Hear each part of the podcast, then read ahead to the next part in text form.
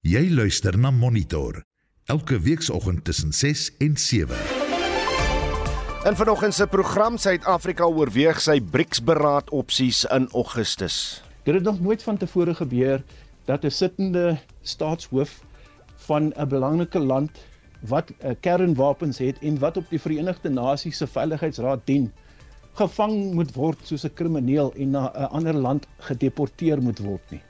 As ons nie vir Dr Nandipa kan bestuur van Tansanië na Suid-Afrika toe nie, hoe gaan dit met president Putin doen?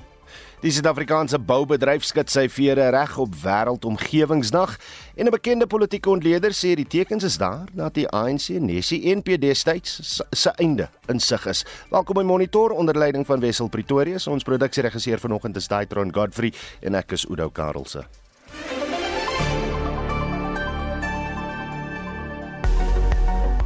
Goeiemôre en ek is Estie de Klerk met die reisigersweer soos uitgereik deur die Suid-Afrikaanse Weerdiens. 'n Geelvlak 2 waarskuwing is uitgereik vir wind wat kan lei tot skade aan infrastruktuur en bestuurstoestande kan bemoeilik oor die Koukama, Kouga, Nelson Mandela Bay en Dlambi munisipaliteite van die Oos-Kaap. 'n Geelvlak 2 waarskuwing is ook uitgereik vir wind en skadelike golwe wat kan lei tot see-navigasieprobleme en ontwrigting van hawens en die omslaan van klein skepe op see in die omgewing tussen Plettenberg Bay en Coffee Bay. En 'n geelvlak 4 waarskuwing is uitgereik uitgereik vir skadelike wind en golwe wat kan lei tot die ontwrigting van hawens, klein en medium grootte skepe tussen Plettenberg Bay en Algoa Bay. Hier volg die minimum en maksimum temperature vir vandag. Pretoria 10:23, Johannesburg 8:20, Vereniging 6:18, Mbombela 12:27, Polokwane 9:28, Mahikeng 5:22 Vryburg 119, Bloemfontein 115, Kimberley 215, Appington 218, Kaapstad 214, George 815, Gqeberha 1018, Oos-London 1317 Durban 1722, Richards Bay 1624 en Pietermaritzburg 920. Vir meer inligting, besoek die Suid-Afrikaanse Weerdienste se webwerf by www.weatherisa.co.za.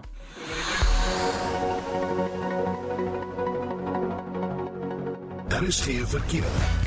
In Kaapstad op die N2 inwaarts was 'n botsing by Jakes Gerwel, maar alle bane is oop vir verkeer. In Gauteng en Johannesburg op die N1 Noord in die rigting van die N12 Oos by Diepkloof wisselaar blyk dit of daar 'n probleem is. 'n Twitter-verbruiker skryf dat talle motors omdraai by Dieppunt en in Mpumalanga op die N4 tonkonsessie tussen die Mantrous wisselaar en Elandshoek versper 'n vragmotor een baan. Ek's half 7 terug met nog verkeersnuus.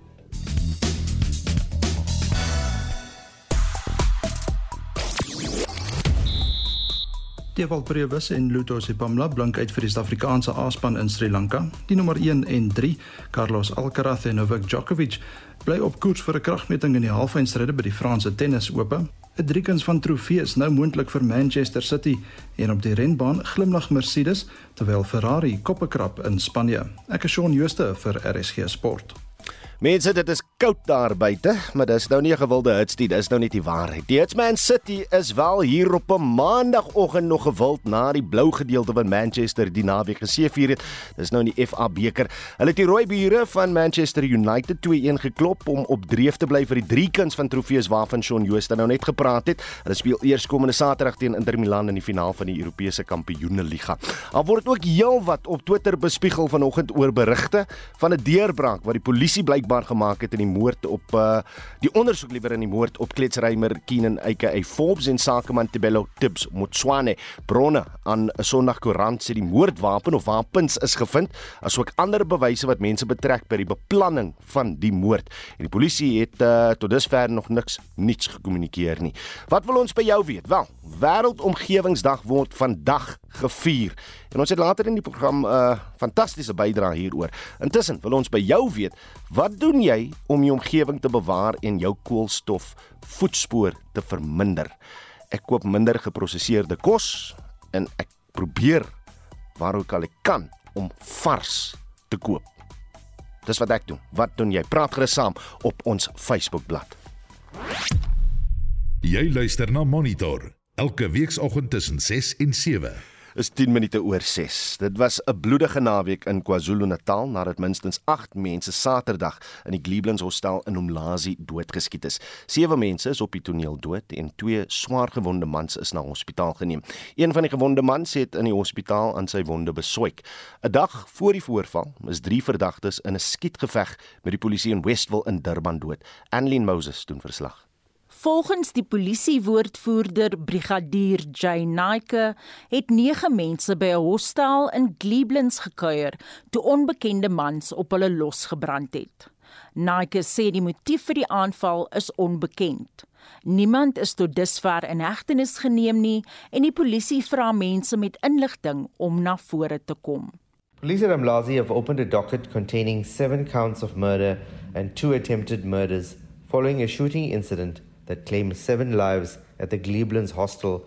Nine men aged between 20 and 40 years old were consuming alcohol in a room at Block 57 in the Gleeblands hostel when unknown gunmen opened fire on them before fleeing the scene. Detectives from the provincial task team have been instructed to probe the incident.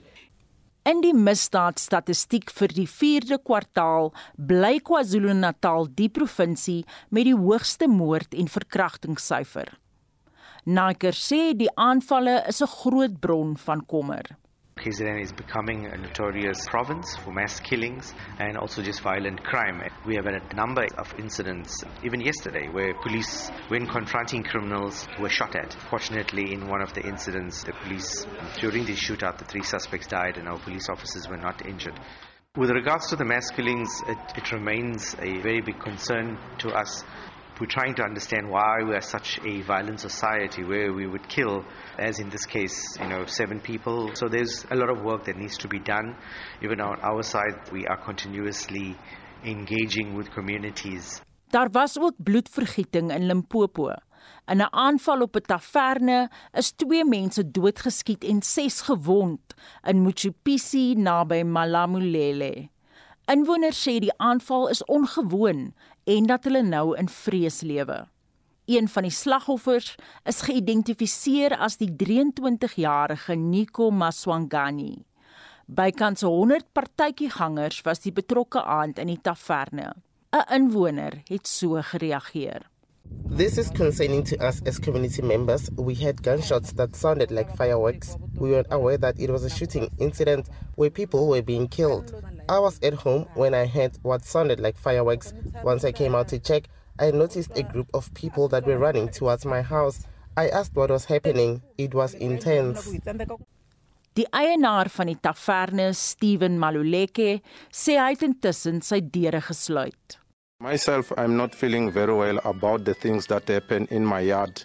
So what can I say? My soul it is very down and my flesh I'm not easy to explain what happened when the attackers coming into my premises. So the fact remain point what can I say to our customers? Die verslae is saamgestel deur Nkululeko Hlope en Justice Shipalana. Ek is Annelien Moses vir SAK nuus. En soos ons in die nuus gehoor het, word daar gesoek na die moordenaars van die 73-jarige jarige Annika Klasen en haar vriend die 77-jarige Henny Klasen. Annika was die eienaar van die Ego Grotte en die Ego Caves Lodge op die plaas Klipfonteinhoek. Dis nou buite Oorigstad in Limpopo. Hulle verkoelde liggame is Saterdag op die plaas gevind. Daar is oproepe vir 'n kommissie van ondersoek om die veroordeelde voormalige Noord-Kaapse ANC-voorsitter John Block se bewind te ondersoek. Block het as LER in verskeie portefeuilles gedien. Hy is verlede week in hegtenis geneem en het in die hof verskyn op nuwe aanklagte van bedrog, korrupsie en geldwasery. Dit hou verband met die bou van die Kimberley Psigiatriese Hospitaal. Die hospitaal is eers na 14 jaar voltooi en het die belastingbetaler meer as 'n miljard rand gekos. Onder Hendriks doen verslag.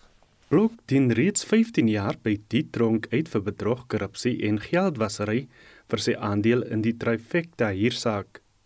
Hierdie week het die valke weer toegeslaan en hom in die tronk in hegtenis geneem vir sy beweerde rol in die toekenning van 'n tender van 51 miljoen rand vir die bou van 'n geestesgesondheidshospitaal.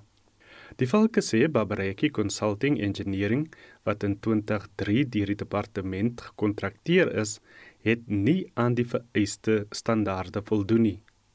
Blok was die LER vir vervoer, paaie en openbare werke gedurende daardie tyd. Politieke partye het die jongste optrede verwelkom, maar hulle glo dit is net die oortjie van die seekoei. Die leier van die DA in die Noord-Kaap, Harold Magloa. Dis hoekom ek 'n beroep maak op die premier om 'n kommissie van ondersoek in te stel sodat ons die kaping van die Noord-Kaap kan uitsorteer. Die COVID-19 die PPE fundings. Ons sien die sonderkommissie noem nie baie van die Noord-Kaap self in daardie verslag nie alhoewel dit nou van die Suid-Afrikaanse Polisie Diens is, maar dit is op 'n nasionale vlak. Maar daar's meer as dit binne in die Noord-Kaap wat ons moet ondersoek. Die Vryheidsfront se Wynand Boshoff Terwyl die Vryheidsfront Plus daarvan bewus is dat enige 'n verdagte persoon onskuldig is totdat hy skuldig bewys is, is die gevangeneneming van meneer John Block by die Appington Korrektiewe Sentrum glad nie 'n verrassing nie. Hy's weer in hegtenis geneem en die keer oor die 490 miljoen rand se geestesgesondheidshospitaal in Kimberley waarvan lyk my elke rand eenvoudig vermors is omdat die hele wit olifant onbruikbaar is ons sien daarna uit om te sien wat in die volgende maande in die hof sal ontvou. Die EFF het ook blok se herinhegteningsneming verwelkom, maar hulle het bevraagteken of dit dalk polities gemotiveerd is. Shadrack Claule is die EFF se leier in die Noord-Kaap. Our wish and hope is that uh, is not persecuted for political reasons. It should be honestly because of the crime committed. So in this regard what is coming at play is that John Block is in prison and he is arrest, rearrested and uh, his rearrest should also teach those who are outside. Die premier se kantoor kon nie vir kommentaar bereik word nie. Intussen het die departement van korrektiewe dienste bevestig dat Blok nog nie vir parol kwalifiseer nie. Daar was berigte dat hy van dese week 'n parolverhoor sou bywoon. Blok verskyn weer op 11 Julie in die Kimberley Landroshof. Ulrich Hendriks SAICanis Kimberley Noord-Kaap Die Hooggeregshof het na dringende aansoek deur die ondersoekende journalistieke eenheid Amabongane beveel dat die eenheid nie meer duisende dokumente aan die Motti groep hoef terug te gee nie. Dit kom na 'n hofbevel verlede week dat die dokumente terugbesorg moet word. Die dokumente vervat glo inligting oor die omstrede sakeman Junaid Motti se beweerde onbehoorlike verhoudings met 'n senior Zimbabwese politisie. Vir meer hieroor praat ons nou met die strafregkenner aan die Universiteit van Pretoria, Dr. Luelen Kaloos. Luelen, goeiemôre. Goeiemôre Udo en lekker om met jou te gesels. Lekker om jou op te. Vir diegene wat nou glad niks van Zonaid Monti weet nie, hoekom word hy as 'n omstrede figuur beskou? Ja, ek dink jy het dit met jou inleiding baie duidelik gestel. Dit gaan nie oor ehm um, sogenaamde die Engelse verwys na shady deals, met ander woorde bevraagtekende transaksies wat plaasgevind het na bewering met die Zimbabwese regering en die inhoud daarvan kom ons kom ons vergelyk maar in in doeteenvoudige Afrikaans as ek dit miskien as 'n as 'n analogie kan gebruik om te verduidelik. Dit wat ons gesien het destyds met die sogenaamde #GuptaLeaks e-posse wat uitgelek het uh, om die hele uh korrupsie wat tussen na bewering Zuma plaasgevind het en ander figure in die Gupta's familie uh uitgelek het. Presies dieselfde gebeur hierso. En dit is presies hierso hoekom die Amabongane groep besluit het om hierdie dringende aansoek van stapel te stuur om daardie aanvanklike bevel wat op 'n ex-parte basis toegestaan is um deur regter John Holland Muter uh te probeer tersyde stel. Nou dit beteken ex-parte beteken uh Motti groep het onder sy leiding gegaan en hulle het sonder om kennis te gee aan die Abubangani groep van joernaliste, ondersoekende joernaliste groep, hmm. ehm um, het hulle hierdie bevel bekom uh, en dit daai bevel het bepaal dat al daardie duisende dokumente onmiddellik teruggegee moet word en dat enige publikasie, verdere artikels wat ehm um, tot dusver gepubliseer is. En ons weet van die sogenaamde #motifiles mm. as waarna verwys word wat gepubliseer is en wat negatiewe publikasie oor die Motti groep en hulle besigheidstransaksies openbaar het en van en, en uitgewys het uh, onmiddellik gestop moet word. En dit is natuurlik 'n geweldige inbreukmaking op of potensiële inbreukmaking op vryheid van die pers mediavryheid en natuurlik die openbaarmaking van moontlike bronne Louwelen, as ons net die bus net so 'n bietjie daar kan stop, is dit ongewoon dat, dat die eerste bevel teen Amabongani uitgereik is sonder dat die mediagroep 'n uh, geleentheid gehad het om sy saak in die hof te stel? Ja, ek moet vir jou sê ek het nog 'n probleem daarmee. Ehm um, ek het ek het ook gesien intussen tyd uh, wat regter Solly van Nieuwenhuizen daaroor te sê gehad het om dit op 'n vraagteken. Nou waarom het julle juist die hof genader op 'n eksparte basis? Hmm. Hoekom het julle nie geantisipeer dat die mediagroep dit gaan opponeer nie en derhalwe ten minste hulle die geleentheid gegee het om hulle kant van die saak te stel alvorens julle hof op 'n dringende basis ag ek wil amper die woorde gebruik agteraf genader het. Hmm.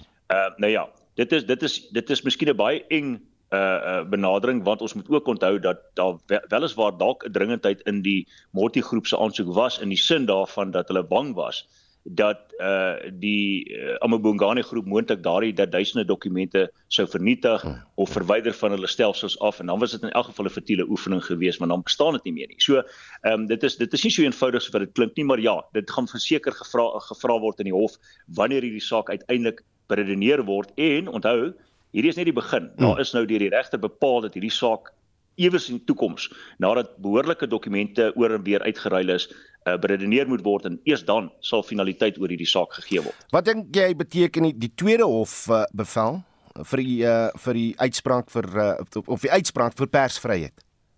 Ja, uh, ek is ek is ek is gelukkig daarmee. Ehm um, dit sê net vir my dood eenvoudig dat die regter besef dat hierdie saak uh, baie meer om die lyf het uh, as as wat op die oog af net uh, deur die Monti groep uh, aan die hof voorgehou is. Dit gaan nie so oor 'n baie wyeer belang naamlik die beginsel van persvryheid aan die een kant, die beskerming van potensiële bronne vir joernaliste aan die ander kant en ons weet dat dit nie 'n ongekende ding is tot op hede in Suid-Afrika uh, na aanleiding van vletjieblassers en gelekte dokumente wat gereeld gebruik word in die pers om juis korrupte of potensiële korrupte maatskappye, korporasies en selfs regeringslei uh, te openbaar en uit te wys nie. En sou hierdie hofbevel toegestaan word, dan beteken dit dat eintlik hierso 'n snoerbevel mm. as ware. Engels gepraat van 'n gag order ja.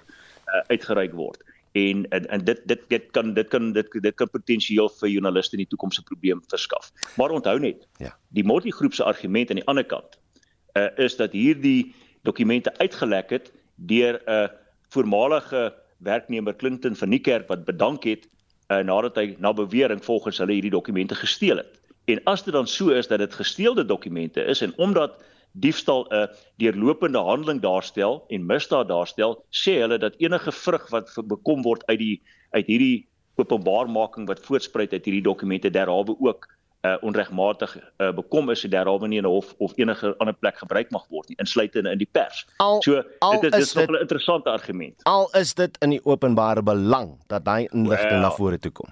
Ek ek dink dit is miskien die beste argument waarmee die Abu Bongani groep na vore gaan tree. Hulle gaan sê ons het 'n grondwetlike reg. Uh, punt 1 persvryheid. Punt 2 al wat ons doen is ons dit wat ons ontvang. Hmm ondersoek ons en dit openbaar dit en dit is in openbare belang dat misdadigers uitgewys word aan die pen geryk word en dat ons hulle moet openbaar. Vryheid uh van pers en natuurlik die hele beginsel rondom uh, waarheid en openbare belang was nog altyd 'n verweer in die Suid-Afrikaanse reg.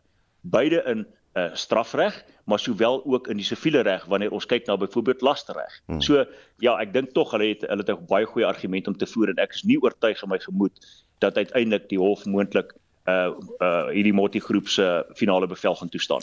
Louwelen ons kan seker ons eie sommetjies gaan maak, maar uh wat sou 'n onbehoorlike verhouding met die Zimbabwese politici Motti in die sak bring en hoekom sou hy wou keer dat dit rigbaar gemaak word?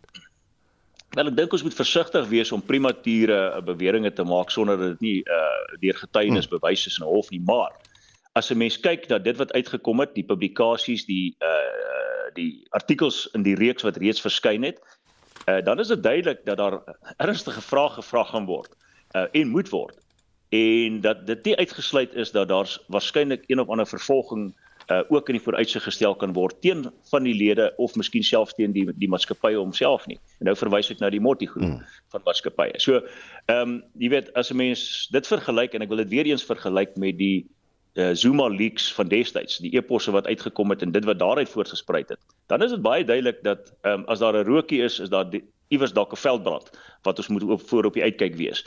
En uh, ek ek dink uh, dit kan geen ander rede wees as om uh, vir vir multigroep as om te probeer keer dat uh, dinge geopenbaar word wat hulle moontlik uh, inkrimineer en in 'n slegte lig stel nie. Daar daar da kan tog sekerlik geen ander rede wees daarvoor. Dit was 'n strafregkenner aan die Universiteit van Pretoria, Dr. Llewellyn Kaloos. Dankie vir jou tyd hier op Monitor. Die tweedaagse vergadering van BRICS-ministers van buitelandse sake en internasionale betrekkinge einde verlede week het onder andere tot die gevolgtrekking gekom dat alle konflikte en veral die toename van terrorisme in Afrika aangespreek moet word. Die vergadering, 'n voorloper van die omstrede BRICS-beraad in Augustus, is in Kaapstad gehou.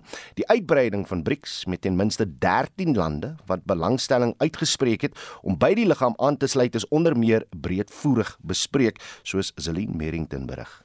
BRICS-vennote het kommer uitgespreek oor die toename in terreur in dele van Afrika. Minister Pandor sê die bedreiging van sekuriteit reg oor die wêreld moet aangespreek word. And the sway that these uh, extremist groups are beginning to have in a number of countries particularly in the Sahel region.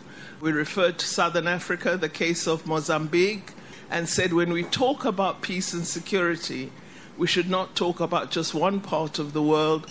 All threats of insecurity must be addressed. Die vergadering het ook besluit dat 'n oorlog in een deel van die wêreld nie gebruik kan word as verskoning vir ontwikkelde lande om hul verantwoordelikhede teenoor ontwikkelende lande te versaak nie. We cannot allow a conflict in one part of the world to replace the ambition of eradicating global poverty as the world's greatest global challenge. So we need to examine how do we bring the world's attention and resources back to this troubling fact. BRICS ministers voel ook nie genoeg dialoog vind in die wêreld plaas nie. We also agreed that one of the key purposes of BRICS that we'll try to encourage is really fostering dialogue as a pathway to peace and development. We believe the world needs to talk much more, even when there are troubling problems, that we could resolve these through dialogue and close interaction. Dit was die minister van internasionale betrekkinge Naledi Pandor, Zelin Merrington, Kaapstad. Suid-Afrika oorweeg dit na bewering om die BRICS-beraad na ander land te skuif as 'n oplossing vir die dilemma van die inhegtenisneming lasbrief vir die Russiese president Vladimir Putin. Die beraad is intussen van Durban na Gauteng verskuif. Nou professor Antoni van Nieuwkerk, verbonde aan die Thabo Mbeki Afrika Skool vir Internasionale Betrekkinge aan Unisa, sê daar is wel ander opsies wat oor, oorweeg kan word.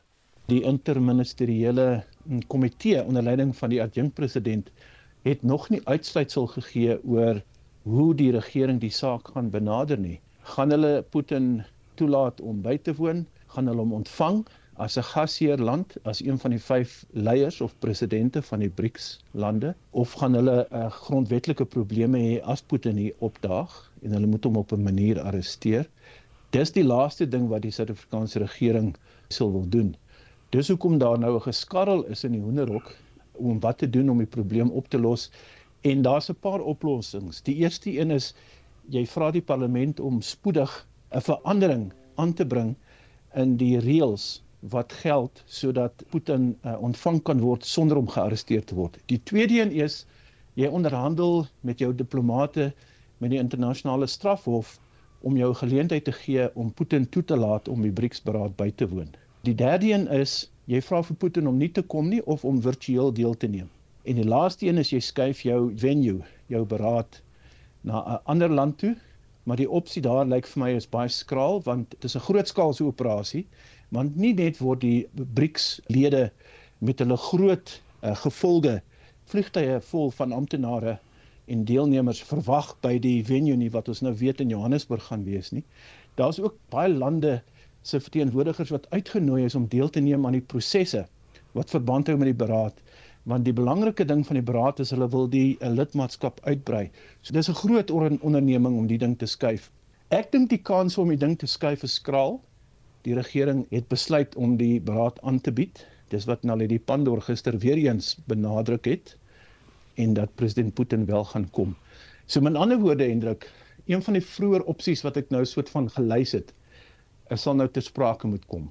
So dis 'n groot tamaletjie vir die regering. Dit is, dis 'n groot tamaletjie want Ek dink baie mense, baie lande in die wêreld begin verstaan dat Suid-Afrika regtig waar in 'n moeilike dilemma is. Dis nou it's beyond ideology. Ek dink dis meer as net 'n ideologiese oortuiging.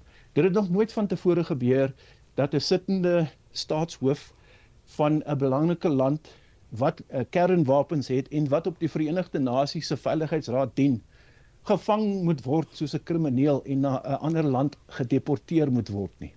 As ons nie vir Dr Nandipa kan bestuur van Tansanië na Suid-Afrika toe nie, hoe gaan dit dit met president Putin doen? En dit was professor Antoni van Nieuwkerk, eh, verbonde aan die Tabombeki Afrika Skool vir Internasionale Betrekkinge aan Unisa en hy het daar met ons Hendrik Maten gepraat. Jy luister na Monitor elke weekoggend tussen 6 en 7.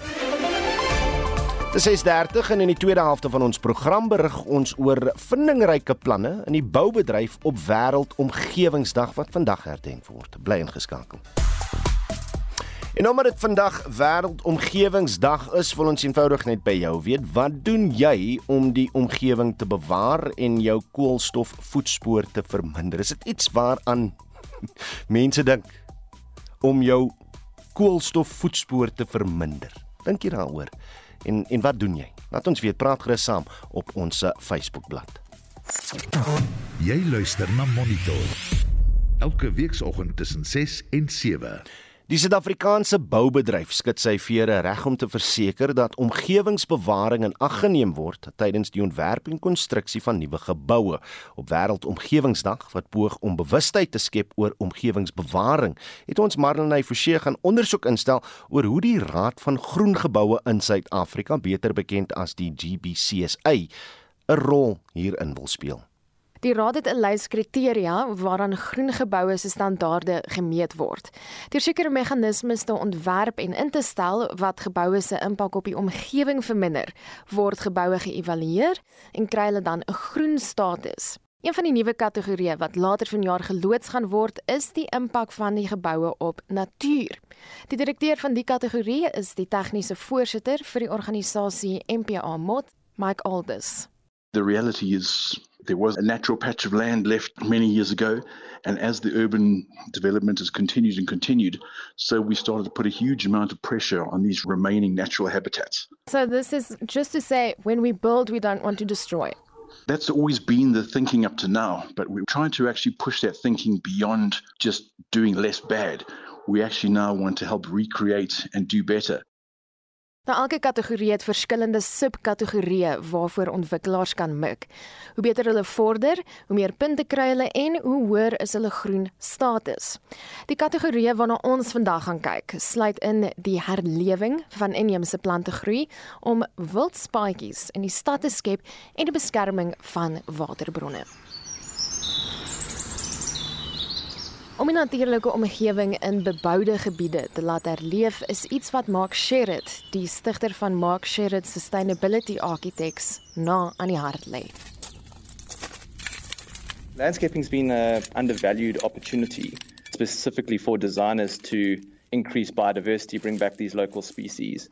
And that's really the excitement around the tool is the opportunity for landscapes now to increase their carbon sequestration abilities, their ability to absorb carbon dioxide and reverse climate change, increase biodiversity, and obviously the health benefits of having these landscapes around us.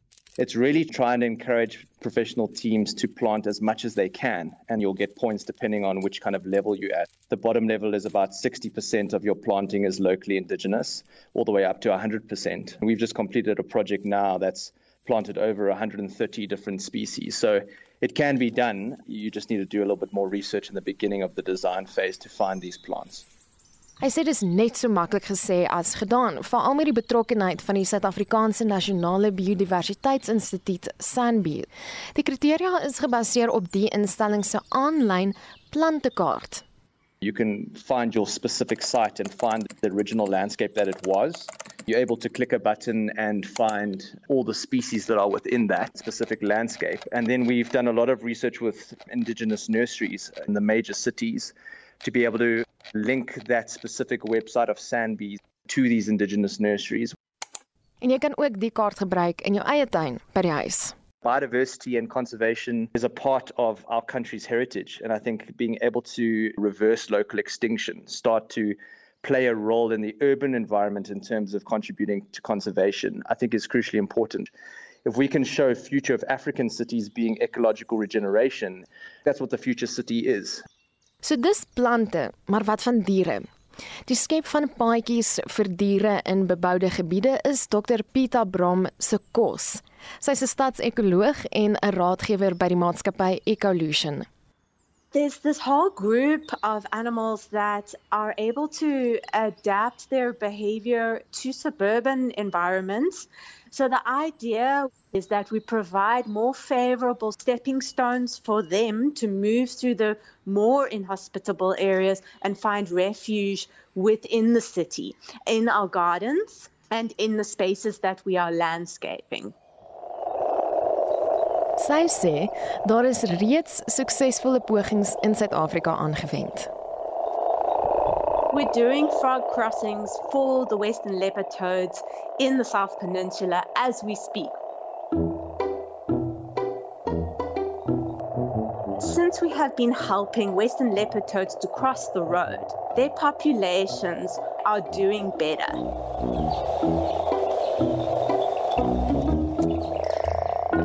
Would have little barriers at the area where they commonly cross. They funnel them into a gully that goes under the road. So you create like a subway for them.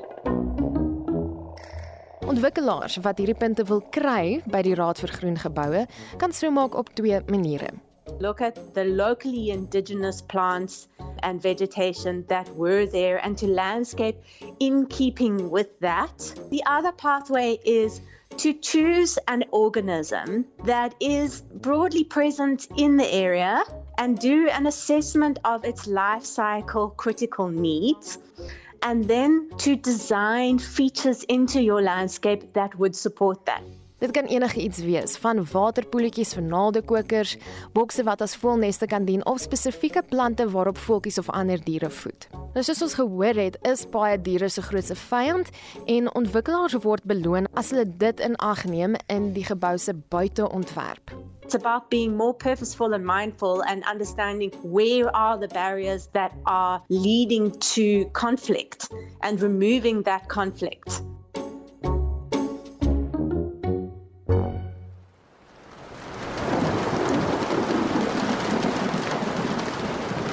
Aldus is nou weer passievol oor die beskerming van waterbronne. As the urban landscape hardens effectively, water runs off more and more quickly. It has a huge impact on the water courses in terms of quality, bank stability, erosion. So op watter maniere word die impak verminder? If you had a nice patch of ground that you all of a sudden turn into a parking lot, your rainwater would be running off a lot faster. But what you can do to start controlling that is actually building an attenuation pond which collects that water and then slowly releases it back. So it essentially acts as a buffer. And by adding natural vegetation to that environment, you can actually allow the plants to absorb some of those excess nutrients and pollutants, etc., and stop them from getting back into the watercourse. Hy sê die gebruik van volhoubare dreineringsstelsels soos die is 'n belangrike deel van nuwe ontwikkelingsprojekte wêreldwyd, soos in Brittanje, Australië en Nieu-Seeland. Maar gaan dit hier werk? The knowledge is there. It's really a question of willingness both from the municipal environment, the development community, as well as the professionals servicing that development community to make sure that the developments encompass all these key interventions that are available, that have been proven. Dit was die tegniese voorsitter vir die organisasie MPA Mot Mike Aldus wat ook verbonde is aan die Raad vir Groen Geboue in Suid-Afrika. Marlene Forsie, SAK nuus. Die voormalige parlementslid en professor in kommunikasiekunde en deesdae politieke ontleder Dr Pieter Mulder meen die skrif is aan die muur vir die ANC. Hy het die einde van die nasionale party bewind in 1994 beleef en sê hy sien dieselfde tekens van die einde van die ANC. Ons praat nou met hom. Pieter, goeiemôre. Goeiemôre Ude. Wat is vir jou die tekens dat daar groot foute is met die ANC? Onthou mense met versigtig met bespiegeling, maar ek probeer dit kyk as ek 'n parallel trek tussen die gebeure voor 94 wat jy het nou gesê ek het die einde van die van die Nasionale Party beleef. Wat kan mens daar uit leer en is daai selfde tekens hier? Jy weet daar selfs boeke geskryf oor hoe groot maatskappye tot 'n val kom. Ek dink aan Jim Collins se boek byvoorbeeld. En dan het hy sekere hy onderskei vyf fases waar sekere tekens in voorkom en mens kan dit net so op 'n politieke party van toepassing maak. Uh byvoorbeeld kom ek sê fase 3 sê is dat daar ontkenning is van groot probleme, maar 'n belofte van die perfekte antwoord is baie binnekort daarso. Nou daarvan sien ek ook het ek gesien by die NP destyds eintlik eh, kom ek gee vir jou 'n voorbeeld. Minder as 'n jaar voor die einde van die nasionale party uh, by die verkiesing by die nasionale party regering sê hom dit klerk nog daar is nie sprake van die oorhandiging van mag aan enige bepaalde party nie.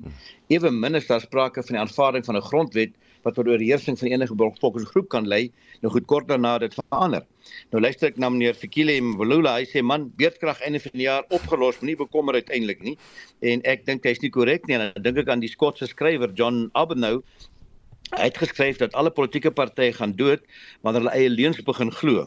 En dan begin ek dink hier's 'n besliste parallel. Weet ek luister na van die ministers toesprake en dan sê ek leef ons in dieselfde land. Hmm. Ek sien nie die suksesse waarna hulle verwys nie, maar tog klap die ANC entoesiasties hande daarvoor en dis maar die fase 3 uiteindelik. Daar kom nog 'n fase 4 en 'n fase 5 en daarna uiteindelik wat mens die parallelle kan trek, ja. Jy jy jy trek die verband tussen die NP se einde en die moontlikheid van die ANC se en jy het gepraat van die leierskap Uh, jy sê jy luister na ons president se toesprake en jy wonder of ons in dieselfde land woon. Hoe meen jy? Ja, ek dan sê ek as my as 'n party nie meer kontak het met die werklikheid nie en en die man in die straat sê vir homself, hoor jong maar, wie's die mense? Waar woon hulle? Is hulle in die Kaap? Hulle sit nie by my in die slaggate nie. Hulle staan nie saam met my in die tou nie. En en ek dink dis die parallel, jy weet met die klerk het kort voor die verkiesing nog voorspel die NP glo hy gaan wen ons gaan ja, kom ek haal hom aan. Ons veg nie om tweede plek nie, ons veg om te wen uiteindelik hmm. en ek kry dieselfde gevoel hier vanaf. En in tipies van hierdie fases, kom ek sê fase 3 van die boeke en fase 4 sou voel gryp na kitsoplossings. Hulle soek daai hasie uit die hoed uit wat skielik die perfekte wêreld gaan bring. Uh ek, ek luister na die Kaap Power skepe. Hulle gaan ons antwoord onmiddellik bring uiteindelik. Ons soek redders uiteindelik. Jy weet, hmm. as ons 'n minister elektrisiteit aanstel, hy gaan die probleem oplos en 'n sulke ding om die aandag af te trek, byvoorbeeld ingrypende aankondigings. Ek haal nou uit die boeke uit aan, ons gaan 'n vredeseng na Oekraïne gee. Ons gaan nuwe wette instel, rassetekens en dis alles tekens van 'n party. Maar die oorkoepelend wat my ook 'n parallel trek en ek weet dis 'n harde oordeel is dat dit by die einde van 'n maatskappy hy nie meer top bestuurslede kan trek nie. Mm. Nou die Nasionale Party het ek ervaar het hier in die 70er jare begin sukkel om die topman te trek om parlement toe te gaan. Daar was briljante mense, maar die gewone man sê man nee, ek my praktyk is te belangrik of my boerdery is te belangrik. Vra ou Gertjie, hy is die politieke ou, maar hy is nie die beste ou nie. En dan eindig jy met uh, die seespan. Nou by die ANC kry ek dieselfde gevoel, jy weet, in 94 het hulle regtig met hulle A-span daar gesit. Ek kan die name noem, maar intussen tyd is die manne een na die ander weg na die private sektor toe, na professionele wêreld toe en ek kry gevoel dis die C-span wat tans in die parlement sit. Hmm. Dit beteken jy sit met jou D-span in die provinsie en uiteindelik met jou E-span op stadsraadsvlak en dis tipies tekens van 'n party wat aan sy einde is, ja. Pieter, ek ek het Saterdag Andre de Ruyter se boek klaar gelees en as ek moet opsom wat hy aanvoer in die boek is dat die ANC vasgevang word in 'n marxistiese kommunistiese denkwyse, veral nou as gevolg van die interne druk wat die RET faksie op op op die ANC geplaas het en die leierskap wat wat tans aan bewind is. Maar wat Suid-Afrika nou nodig het is om infrastruktuur reg te maak en dienste op dreef te kry ongeag van wie die hulp verleen of van waar dit vandaan kom. Stem jy saam?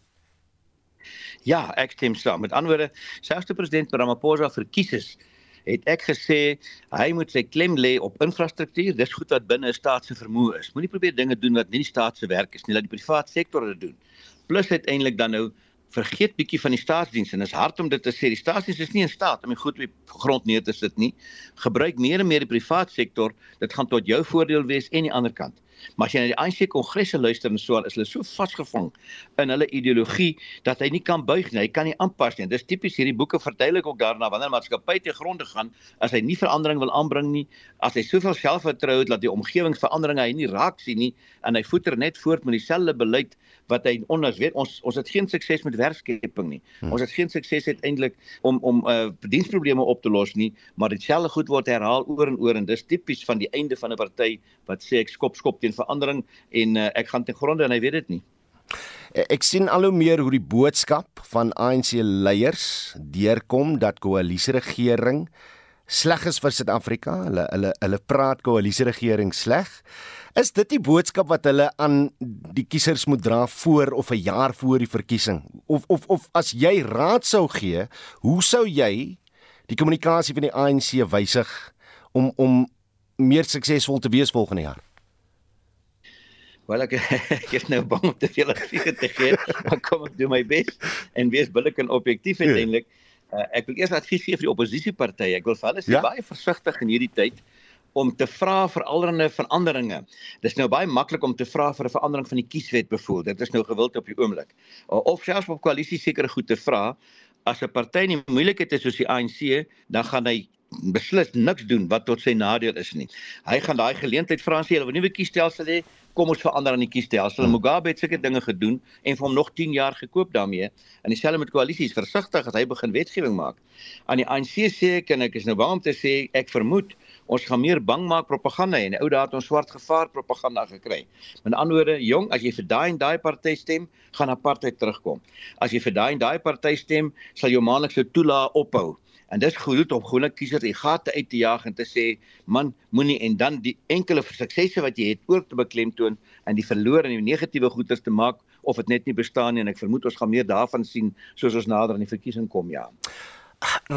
Cyril Ramaphosa se verkiesing was tog die aanbreek van 'n hoopvolle toekoms na die Zuma jare.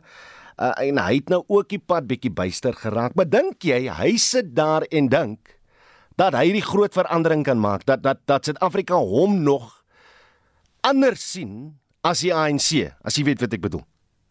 Ja. Wel by die vorige verkiesing eintlik het hy nog 3-400 000 stemme meer gekry, hmm. amper 500 000 as jy somme gaan maak tussen die ANC en hom. En 'n klomp interessante stemme het gekom van minderheidsgroepe af, bruin en wit mense wat sê, "Jong, hier is die antwoord." Intussen wys die ANC se eie navorsing, daai is weg. So hulle het gesê ons gaan klem lê nou om die minderhede terug te kry. Bedoel ons moet die bruin stem, die Indië stem, die wit stem terugkry om daardie dinge reg te maak. Maar in dieselfde tyd tipies van 'n party in verwarring, kom hulle met wetgewing wat juist die minderhede benadeel. Jy weet hierdie gelyke werks uh, partye moet kwotas en al die goeders, dit dryf juist die minderhede weg. So ek weet nie of hy hom nie kan losmaak van hierdie party wat hom saam om na toe trek nie. Natuurlik wil hy sukses behaal. Elke leier wil en die einde weggaan met 'n uh, nalatenskap wat sê man ek was 'n sukses. En niemand van ons lief of wie ook al lief is nie. Hy weet, hy's nie moeilikheid. Hy wil nie die party leier wees vir die party in sy grond in die grond in bedryf nie. En nou kom hy met die hasies uit die hoed uit. Met ander woorde, hier's 'n briljante minister vir elektrisiteit. Hy gaan die ding oplos vir ons in elk geval. En so soek ons na sulke kits antwoorde om te kyk, ons gaan car power krag inbring uiteindelik as daai skepe lê is die Eskom weg. En dis tipies van paniek aan die einde om daai silver bullet vir die Engels van praat te bring en ek dink dis waarmee hulle besig is nou ja. Baie interessant. Baie dankie vir jou tyd Pieter, my dokter Pieter Mulder, uh, politieke ontleder natuurlik net oor uh, die ANC en die vergelyking met die nasionale party na 1994.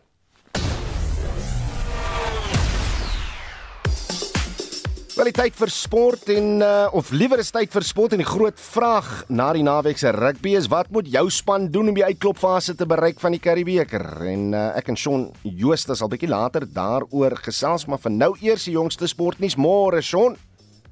Goeiemôre Oude Ons Protea A-span het hulle reeks na Sri Lanka op 'n hoë noot begin Ja, Suid-Afrika het hulle wedstryd teen Sri Lanka aan met 4 paaltjies gewen.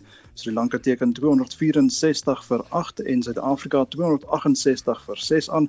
Luto sê Pamla het uitstekend gevaar, 3 paaltjies vir 38 lopies laat kantel en Dewald Brewes het met die kolf uitgeblink en op 98 nie uit nie geëindig Breyer Swanepoel ook goed gedoen, 43 nie uit nie vir hom en die tweede van 3 wedstryde vind môre plaas. Lieflik is uh, week 2 vir by die Franse Ope en die meeste van die groot name is nog staande.